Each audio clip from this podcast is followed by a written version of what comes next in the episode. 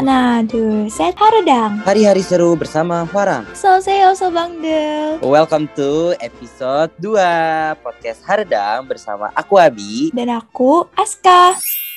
Oke, sekali sebelum kita mulai nih ya, kita mulai nyapa-nyapa Uri Sobang dulu, dulu gak sih? Duh iya nih Bi, kayak udah lama banget gak sih kita gak ketemu Hmm, Sobang Bener-bener. Udah kangen. Aku mau nanya kabar gimana nih akhir-akhir ini? Kalian lagi ada kegiatan apa, kesibukan? Dan kita kan habis uas ya, Ska- Zai. Kebetulan habis uas. Jadi kayak seharusnya kesibukan kita udah udah aman lah gitu ya, udah selesai. Nanti kayak kalau Aska nih berarti kan istilahnya uasnya udah selesai, kuliah juga udah aman. Jadi kira-kira Aska ngapain nih kesibukan akhir-akhir ini? Nah iya kan, mumpung UAS sudah selesai gini, jadi kan apa ya istilahnya akademiknya udah selesai, jadi kayak gabutnya udah mulai muncul nih, kayak aduh ngapain ya hari ini, mulai mikir-mikir kayak buat ngisi liburan tuh ngapain aja. Tapi sejauh ini sih buat ngisi kegabutan gitu, aku jadi ngikutin K-pop lagi sih Bi, karena kemarin pas lagi sibuk tuh kayak lumayan lumayan berkurang gitu lah fokus gue ke K-pop gitu. Kalau Abi sendiri gimana nih? Hmm, bener-bener. Aku juga sih ya, Zai. Kayak udah mulai ngebucin lagi soalnya para biasa aku tuh harus aku kasih perhatian gitu, Zai. Kayak harus aku kasih attention. Karena aku harus bisa membagi lagi ya fokus aku. Sekarang kan udah aman nih kuliah, jadi langsung bisa ngebucin lagi nih, Ska. Bahas-bahas soal K-pop nih langsung aja gak sih kita masuk ke pembahasannya. Pembahasan pada tema episode 2 kali ini apa nih, Ska? Nah, di episode kedua ini kita bakal bahas tentang stereotype as a K-pop fans dan K-pop idolnya juga yang ada di masyarakat Indonesia. Jadi pokoknya dengerin terus sampai habis ya Sobang Del. Bener banget Ska, jadi buat Uri Sobangdel siapa tahu yang K-pop fans juga atau mungkin non K-pop fans, jadi di sini kita bisa sharing-sharing, ngobrol-ngobrol tentang gimana sih stereotype as a K-pop fans itu di masyarakat gitu loh. Langsung aja kita mulai ke pembahasan yang pertama nih ya. Ada gosip apa nih? Ada hot issue apa nggak sih? Jadi Sobang Del mungkin, Abi mungkin ya, mungkin dari Abi dulu. Oke. Mungkin tahu nih kalau akhir bulan lalu tuh ada berita yang lumayan hot gitu. Oh my god, Sebenarnya apa dari tuh? Twitter. Ah, Jadi, Twitter ya, Zai. tentang kasusnya Space? Oh my god, itu hot topic banget gak sih? Yang kayak, aduh aku waktu itu aja tuh ketar-ketir ya Zai sebenarnya. Aduh iya, karena apa ya? Berita ini kan apa ya? Aku kira cuma sampai di kalangan K-popers aja, tapi ternyata sampai Bener. orang yang bukan K-popers tuh tahu tentang ini gitu loh. Jadi kayak ketahuan banget gak sih hot? Bener banget. Jadi mungkin ada ya beberapa dari Sobangdel di sini yang belum tahu tentang gosip ini tentang Safa Space. Jadi aku kasih tahu sneak peek sedikit kali ya, Ska. Boleh, boleh, boleh. Nah, jadi sebenarnya Safa Space ini itu bulan lalu ya kalau nggak salah itu sempet jadi hot topic banget di Twitter, Instagram, TikTok. Eh, kayak semuanya tuh muncul gitu loh tentang pembahasan ini. Jadi pada dasarnya ini tentang gimana salah satu penggemar grup K-pop, sebut brandnya nggak nih? Sebut K-pop apa nggak nih? Sebut aja sih, Kak? Biar kita tuh nanti gak dicurigain gitu loh. Maksudnya daripada takutnya menyinggung siapa. Jadi kita langsung jujur aja lah ya. Kan pasti semua orang udah tahu nih. Kita aja udah sebut Safa Space gitu. Pasti apalagi ya kan? Benar, Jadi- benar, benar. pada dasarnya ini penggemar grup K-pop dari boy group NCT gitu sekali. Jadi di mana ada perseteruan antara sesama fans yang sampai dibikin space di Twitter dan ini beritanya tuh sampai masuk di Instagram, masuk di eh, kanal-kanal yang akunnya tuh ngebahas padahal tuh bahasnya tuh pembahasan umum sampai dibahas gitu loh. Yang adalah beberapa Instagram yang kalau kalian follow tentang update gitu. Nah, itu sampai dibahas loh, Kak. Dan Sumpah, otomatis iya. masyarakat tuh jadi tahu gitu say jadi kayak even non K-pop fans tuh jadi tahu Iya, bukan cuma Instagram aja. Kemarin tuh aku lihat sampai kayak portal-portal kayak Kompas atau Line Today gitu sampai beritain ini. Jadi kayak mereka kan nggak mungkin eh, beritain hal yang istilahnya apa ya? Yang ece-ece gitu loh, yang nggak ada sumber yang validnya. Jadi kayak udah pasti Bener, berita bener. ini tuh kayak bener banget wow. banyak banget masyarakat nih makin ada lah makin banyak stereotype terhadap fans K-pop gitu loh apalagi ditambah masalah baru-baru ini gitu loh dari bulan lalu dan ini boy group NCT NCT udah menurut aku tuh udah gede ya di Indo. Dan fansnya tuh banyak season nih itu kayak banyak banget gak sih Kak? Betul, dan highlight di kasus Safa ini tuh pas di eh, ruang space-nya yang di Twitternya itu ada dia berseteru sama mbak-mbak yang ngakunya kalau dia aktivis HAM. Ya nggak sih, Bi? Oh my God, ada aktivis HAM ya, Zai? Takut banget. Dan jadi dia memojokkan si Safa itu dengan dia ngerasa punya kekuatan gitu lah. Dia aktivis HAM, terus katanya dosennya kader Gokar, terus apa ya keluarganya banyak yang anggota polisi gitu. Jadi kayak seakan-akan dia membela Wow. kayak bela negara gitu. Oh my God, Apalagi bela dia negara ya, bilang kalau dia ibunya Oke, oke, oke. perwakilan dari eh, Najemin dan Wang Renjun katanya gitu. Saya ibunda. Nah gitu ya, Say. Cuman aku sempet sempet lah ada muncul sedikit, aku sempet de- dengar doang sedikit. Dan itu pas aku buka Twitter, beh langsung ada space. Ini bukan bukan Safa Space, tapi space yang ngebahas tentang si Safa gitu. Kayak, wah ini segede itu. Jadi, aduh, kau coba kasih apa ya Aska kita mungkin bisa nggak sih kasus ini tuh kita bisa belajar apa kira-kira Aska tuh dari ini tuh bisa dilihatnya gimana Kalau menurut aku sih, meskipun kedua pihaknya salah, tapi pihak yang mbak-mbak yang ngaku dia aktivis HAM ini nggak bisa dibenerin sih, Bi. Kayak seakan-akan dia membela Benar, benar. itu ini banget gitu loh. Kayak padahal padahal kalau misalnya kita mikir NCT aja nggak tahu kasus ini ya nggak sih, Bi? Bener ya, Say. Soalnya soalnya gue gak ngasih tahu nih, kebetulan. Gue gak ngasih tahu ya untungnya ya. Gue "Ah, Jemina, tau gak sih lu diomongin gitu? Oh, Enggak. bestie ya. Aman, bestie gue. Ini termasuk salah satu contoh ya. Itu itu tuh contoh halu, Say. Tapi enggak, kayak ya udahlah, kita kan take it easy aja gak sih sebagai K-pop fans yang di mana kita cuman menggemari musiknya atau cuman eh, enjoy as a K-pop fans gitu kan, Ska. Makanya dari kasus ini tuh aku juga belajar loh sebenarnya di mana kita nih sebagai manusia ya Zai sebagai warga negara Republik Indonesia gitu loh kita tuh apa ya nggak boleh terlalu fanatik banget mendorong seseorang sampai kita tuh menjatuhkan orang lain dan di mana Safa ini tuh orang gitu loh orang beneran yang dia tahu dia tuh diomongin dan masuk kupingnya langsung sampai dia harus bikin surat permohonan maaf ya kalau nggak salah aku sempat dengar Iya, dan di mana betul. jadi aku belajar gitu loh sekarang kalau kita tuh nggak boleh terlalu fanatik mendorong seseorang baik itu idol K-pop ataupun artis-artis lainnya Setuju banget. Mungkin eh, si Safa ini juga salah ya dengan dia head speech ke salah satu member NCT di mana bener-bener meskipun bukan ke idol doang ya ke semua orang pun kita sebenarnya emang nggak boleh kayak gitu. Tapi ya aduh hate em, speech tuh aduh itu udah parah banget gak sih Bi? bener-bener Meskipun Mbak-mbak aktivis HAM ini niatnya baik ya, mungkin kayak mau membela idolnya, tapi seenggaknya Bener, cara bener. yang dia lakukan itu emang salah kan. Kita juga nggak bisa membenarkan dia. Jadi kayak Bener. lebih baik sih diselesaikan secara baik-baik aja gitu nggak sih Bi? Dinasihatin gitu supaya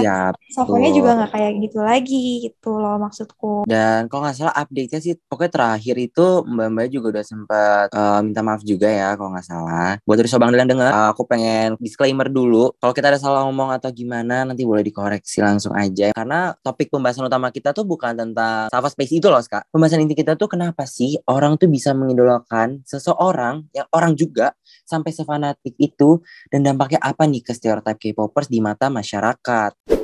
Oke, pertama-tama kita bakal move on dulu ke stereotip K-popers di masyarakat. Jadi eh, kalau di lingkungan aku nih kayak di orang-orang yang bukan K-popers ataupun netizen-netizen di media sosial tuh sering mengibaratkan K-popers K-popers ini tuh apa ya orang yang fanatik eh, layaknya Oh, virus I see, I see. gitu yang harus dibasmi kayak separah itu. Tapi Gak ya? itu juga, Kak. Ternyata Kenapa yang tuh? bilang fans K-pop itu tuh tidak cinta tanah air, penggemar plastik, abis itu kebanyakan halu, alay, jijik. Pokoknya tuh fans K-pop tuh jelek gitu. Pokoknya gue terserah. Pokoknya Wah. yang tadi itu kayak oh my god. Kayak gimana sih kayak maksudnya eh, orang nih masyarakat nih menciptakan stereotype itu pasti tuh nggak nggak ada apa ya maksudnya tidak ada dasarnya gitu. kan. gitu pasti ada ya. Pasti ada, pasti ada dasarnya. Itu pasti ada. Kita mungkin bisa ambil contoh nih Bi kayak kemarin kan ada NCT Dream datang ke Indonesia kan. Say, Terus oh my god, bener-bener banget. Gue Ya tau kan? Gue tau, gue tau. Iya, Terus terus lanjut, lanjut, lanjut. Excited banget kan kayak wah idolku udah, udah akhirnya datang nih ke Indonesia setelah kan yang kita tahu uh, selama pandemi ini kan emang gak ada konser ya say Bener. terus akhirnya kemarin mereka datang lagi mereka kayak terlalu excited sampai mereka jemput ke bandara gitu. Tapi di bandara itu tuh mereka kayak yang bener-bener rame banget gitu loh kayak istilahnya Bener, kayak bener. Mau tren tubusan gitu. tren tubusan ya zombie Zai. Serem Iya. banget dong sampai kejar-kejaran gitu. Aku lihat sih. Yang di mana Terus ini kan pada dasarnya bandara tuh tempat umum ya, Ska. betul. Ya udahlah, maka kita harus menghormati yang lain juga dan mungkin dari situ orang-orang di bandara tuh muncul tuh stereotype stereotype. Buset, gue Iya. kalau jadi fans K-pop gue kayak zombie Zai. Atau enggak misalkan fanatik banget sih sampai harus mungkin ya aku sempat lihat ada yang sampai lompat ke rumputnya lah. Itu kan kayak salah satu contoh merusak fasilitas yang ada di bandara gitu loh. Maksudnya kan dari dari lingkungan bandara kan. Jadi menurut aku sangat disayangkan aja gak sih? Kalau kita tuh jadi fans yang sampai sefanatik itu gitu loh. Kayak aduh. Betul, mungkin hal-hal seperti itu yang K-popers gak sadarin gitu ya, sampai akhirnya non K-popers ini bisa beranggapan kalau citra K-popers itu jelek gitu ya kan. Cuma Benar. mungkin kitanya yang nggak menyadari itu aja gitu. Bener, jadi ya itulah guys, makanya di stereotip K-popers masyarakat nih, itu udah agak buruk ditambah buruk gitu loh. Jadi bah, bah buruk banget kan awalnya pasti cuman kayak, ya lu suka sama plastik ya udah gitu kan. Sekarang ya lu suka plastik ya, lu kemarin itu ya di bandara gitu-gitu atau enggak lu yang sampai ngejatuhin orang lainnya gara-gara suka sama K-pop itu makin sekarang tuh makin banyak bahan ya Zai buat diomongin. Betul, karena udah ada bukti-bukti nyatanya gitu kan. Nah, Nah, oke. lanjut. Karena tadi udah stereotype K-popers di mata masyarakat nih. Kalau dari artis K-popnya sendiri tuh biasanya pandangan masyarakat tuh kayak gimana sih, Bi? Terutama masyarakat Indonesia ya yang ada di Oh. eh, sekitar kita. Kalau menurut aku, masyarakat itu punya stereotip juga nih ke artis K-pop yang kayak apa sih nih orang-orang nih anak gue gitu kan atau anak tetangga gue nih sampai suka artis K-pop tuh sampai fanatik banget gitu loh. Jadi mereka mulai menganalisis kali ya. Nah kita kan suka banget nih menganalisis gerakan-gerakan orang lain gitu loh. Gerak-geriknya ini kita harus analisis gitu. Oke, jadi- kepoan. Betul banget, Zai. Jadi yang aku bisa lihat di sini tuh mungkin masyarakat itu memiliki stereotip terhadap artis K-pop nih. Itu yang pertama, itu mereka modal tampang doang, nggak bisa nyanyi, musiknya berisik, gak jelas, lagunya nggak bermakna. Dan buat yang idol cowok itu pakai make up dan mirip kayak cewek dan kebanyakan lip sync, oplas, bahasa yang nggak bisa dimengerti, bla bla bla. Pokoknya banyak banget. Kayak gue capek, Zai. Ternyata sama Iya. aja ya, entah K-popers atau artisnya kayak di mata masyarakat tuh ada aja gitu, dicari gitu kesalahannya. Brutal, Zai. Brutal. Pandangannya itu stereotip itu brutal banget. Padahal itu sebenarnya ada kenyataan yang lebih indah gitu. Di balik pandangan-pandangan stereotip yang eh, ke arah tuh negatif banget gak sih? Betul, ada beda 180 derajat gitu lah ya istilahnya. Misalnya nih, kalau misalnya aku sebutin tuh, kalau dari K-popersnya sendiri tuh mereka banyak loh melakukan hal-hal baik seperti penggalangan dana atau melakukan Wah. donasi. Untuk Wah, kayak misalnya bantuan bencana alam atau bantuan sosial gitu, terutama kalau idolnya ulang tahun gitu kan. Mereka kan suka ada ngadain project-project gitu ya, Bi. Kalau Bi mungkin tahu nih. benar-benar.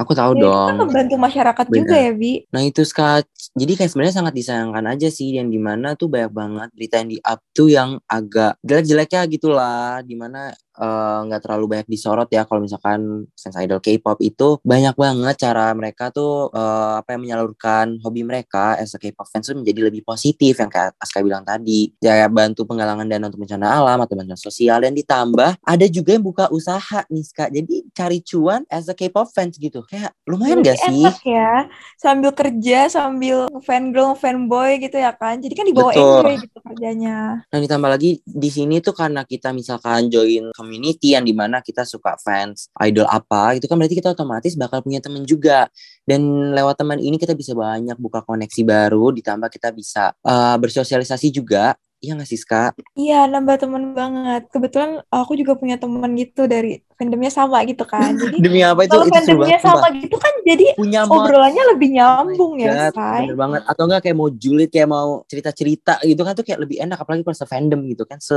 sejalur gitu Setuju.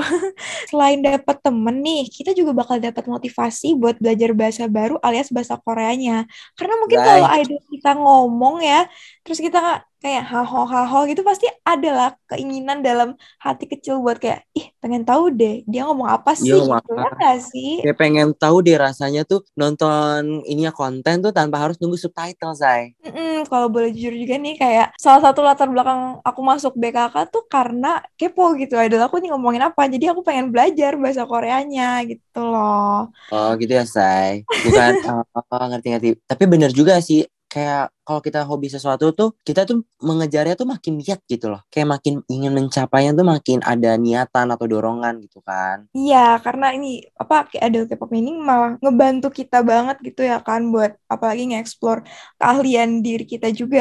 Karena selain bahasa baru, mungkin dengan melihat mereka yang sambil ngedance, sambil nyanyi, kita juga jadi pengen ikut belajar nyanyi dan ngedance juga. Bener. Karena kan banyak yang dance cover ya bi akhir-akhir ini. Mungkin Hmm, Abi bener, bisa bener. juga ngedance, bisa nggak Bi? Say, aku sih modal visual aja ya. Sama dance boleh lah dikit.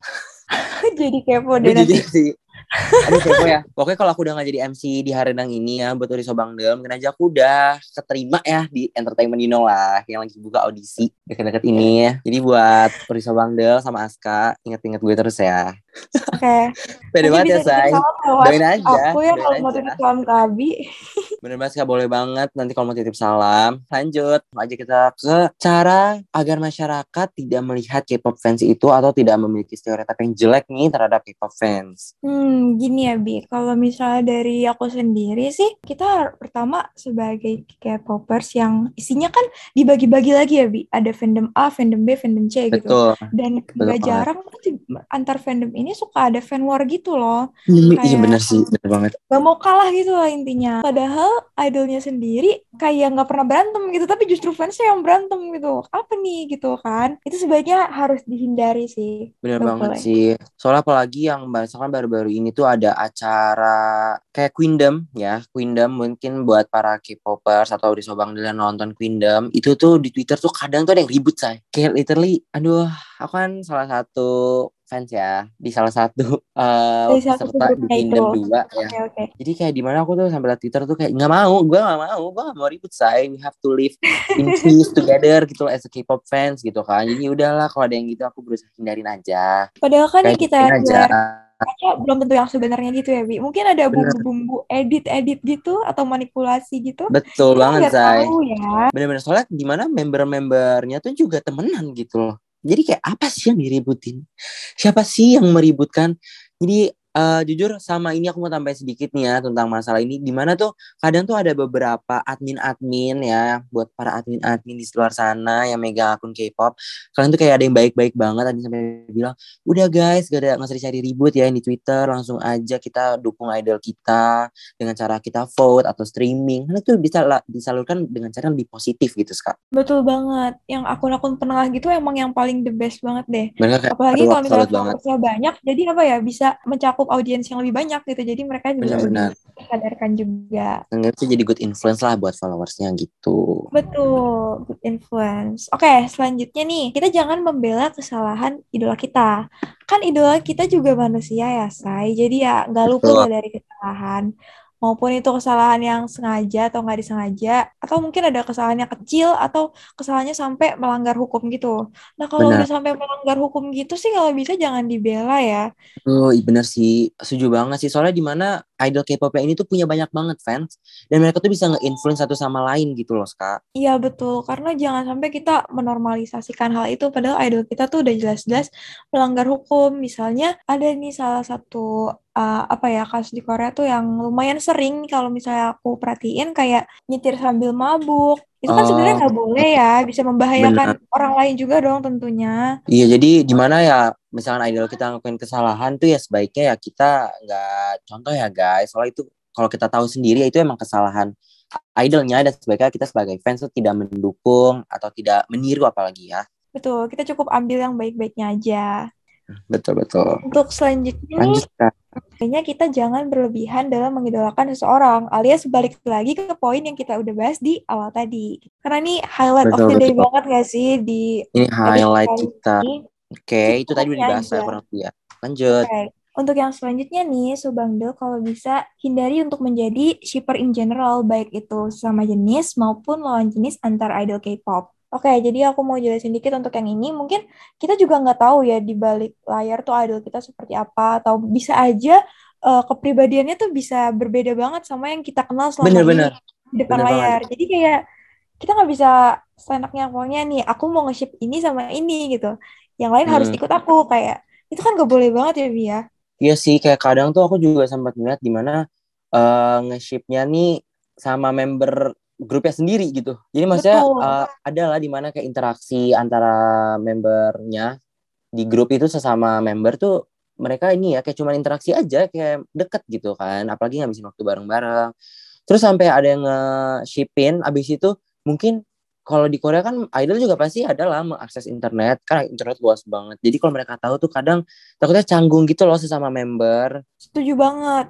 Emang ada sih kayak gitu Bi katanya kalau misalnya habis di shipin gitu jadi kayak mereka satu sama lain jadi agak awkward dan canggung gitu kan Nah, justru itu itu malah yang bikin hatinya sedih ya nggak sih Bener-bener. Jadi sebaiknya kalau bisa kuring-kuringin ya, Say. Iya dan kita hargai aja idol kita gimana mau dia men- mau dia menjalani hubungan sama siapa aja karena itu pilihan dia ya kan Betul. Karena kita harus kembali lagi eh, di mana kita ngefans nih idol nih tuh kenapa? Apa sih tujuan eh, dari kita gitu loh. tugas kita sebagai fans cuma bisa apa ya istilahnya mendukung dan mendoakan aja ya nggak sih cukup sampai situ bukan yang memaksakan kehendak kayak pokoknya si A harus sama si B gitu wah itu kacau sih Bener banget ya itu yang bisa aku bilang ya. Jadi gini sekali. Jadi kita jangan mengharuskan orang lain tuh setuju sama pemikiran kita gitu loh. dukung idol sama pasangannya masing-masing aja Betul banget Ska. Dan semoga kita bisa mendukung ya idol kita sama pilihan mereka gitu loh.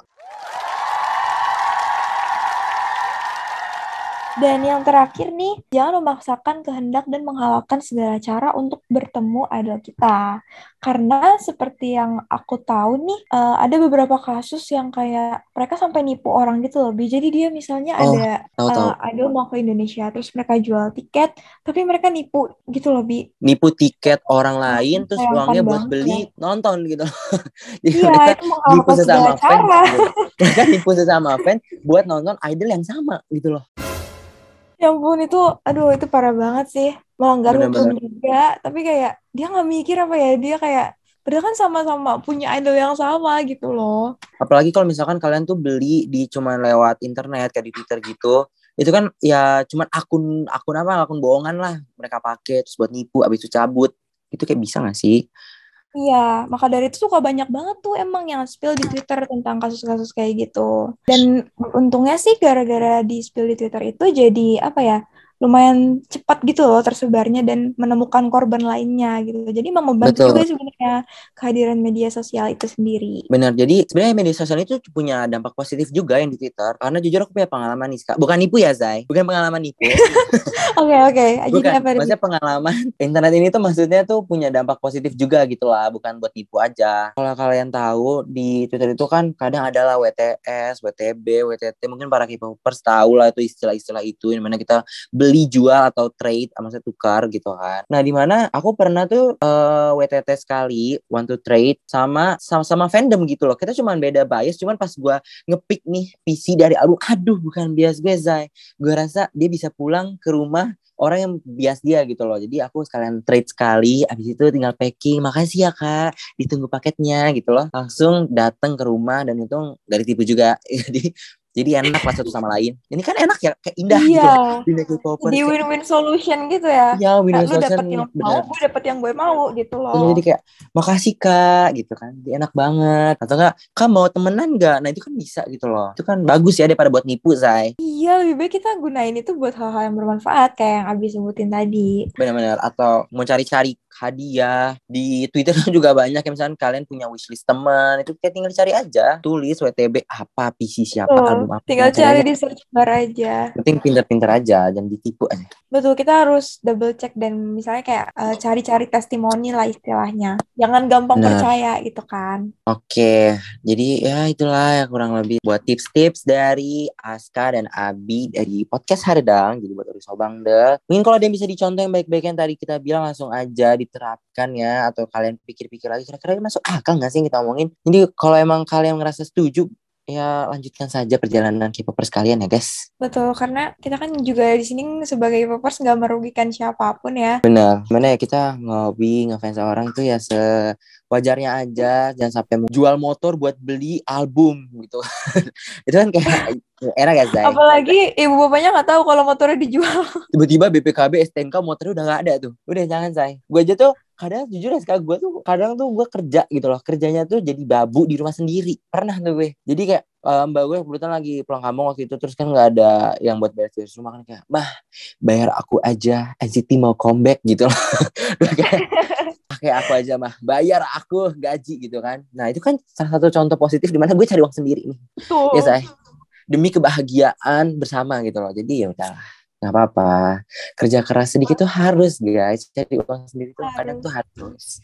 Nah, mungkin Sobang tuh bisa ambil tuh, bisa ambil contoh kayak Abi. Kalau misalnya nanti libur dan lagi nggak ada yang bersih rumah, bener bisa tuh kayaknya. Oke, banget, Bi, kalau gitu pembahasan kita sekarang masuk ke mana nih? nah sebelum kita bisa lanjut rekap-rekap dikit. rekap-rekap dikit ya Zai sebelum kita masuk ke rekapan nih aku mau kasih quotes dikit kali ya buat Uri Sobangda Boleh, boleh. Kos apa tuh, Bi? nih kalau quotes aku nih ya yang kayak aku tanamkan dalam diri itu kayak gini Ska cintai idolmu jangan fanatik tiap hari gitu loh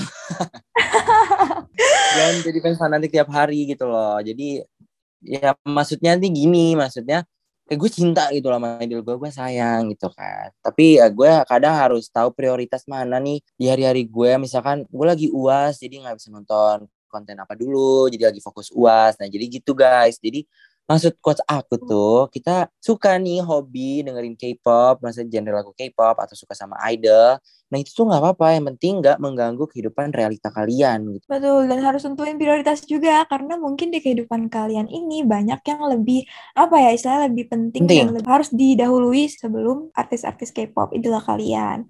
BTW Betul. keren banget tuh quotesnya dapat dari mana, Bi? itu dari diri aku sendiri say jadi itu berdasarkan pengalaman aja ini mana ya ada lah masa-masa di mana bucin gitu kan terus akhirnya aku sadar nih kayak misalkan aku ngabisin uang banyak banget buat beli album PC segala macam jadi aku gak bisa main sama teman-teman gitu loh jadi kebutuhan sosial aku tuh kurang gitu kan jadi ya udah jadi lain kali aku harus tahu prioritasin mana apalagi ya kayak duit ya gitu kan Keren banget. Kayak cocok nih bentar lagi jadi influencer K-pop. bisa Zai atau enggak gue jadi ini aja lah jadi dancer Zai Amin, amin, amin. Yang terbaik buat Abi. terima kasih Aska Oke, jadi kalau misalnya kita rekap nih pembahasan kita hari ini mulai dari boleh boleh. stereotype-nya K-popers di masyarakat dan juga artis-artis K-popnya sampai eh, tips agar stereotip itu hilang kita intinya harus balik lagi tekanin buat cara stereotip itu hilang sih Bi ya nggak sih? Bukan hilang Bener. sih berarti pertama biar berkurang dulu lah seenggaknya gitu. Atau memudar gitu lah. Eh, eh, biar nggak separah yang sekarang-sekarang ini lagi ada di masyarakat itu sendiri. Jadi ya kalau bisa kita apa ya tanemin dan lakuin cara-cara yang udah kita kasih tahu tadi gitu Betul, dari tips-tips kita nih dari Aska dan aku boleh banget buat Uri Sobangdel tips-tips baiknya langsung dicoba didalamkan gitu loh. Aduh sekarang nggak kerasa nih ya kita udah menemani Uri Sobangdel selama kurang lebih eh 20 menitan lah. Ini dan sayang banget perjumpaan kita di episode 2 ini sampai di sini dulu nih Ska. Iya, sayang banget ya, padahal seru banget topiknya hari ini dan mungkin kita bisa bahas yang lain juga, tapi karena durasi waktu ya, Say, kita Betul, Say. sini dulu, nanti kita akan datang lagi, balik lagi dengan episode seru-seru lainnya. Aku, Aska, dan partnerku, Abi, kami selaku MC pamit undur diri. Kita mau mohon maaf jika ada kesalahan informasi maupun kata-kata yang kurang berkenan, karena kesempurnaan itu judul lagunya Verbal Jin. ya Jumat malam niatnya makan nasi padang. Cakep. Eh kesampaiannya cuma makan lemper. Terima kasih sudah mendengarkan podcast Hardang. Cakep. Kalau kata Blackpink, see you later. Annyeong, Sobat.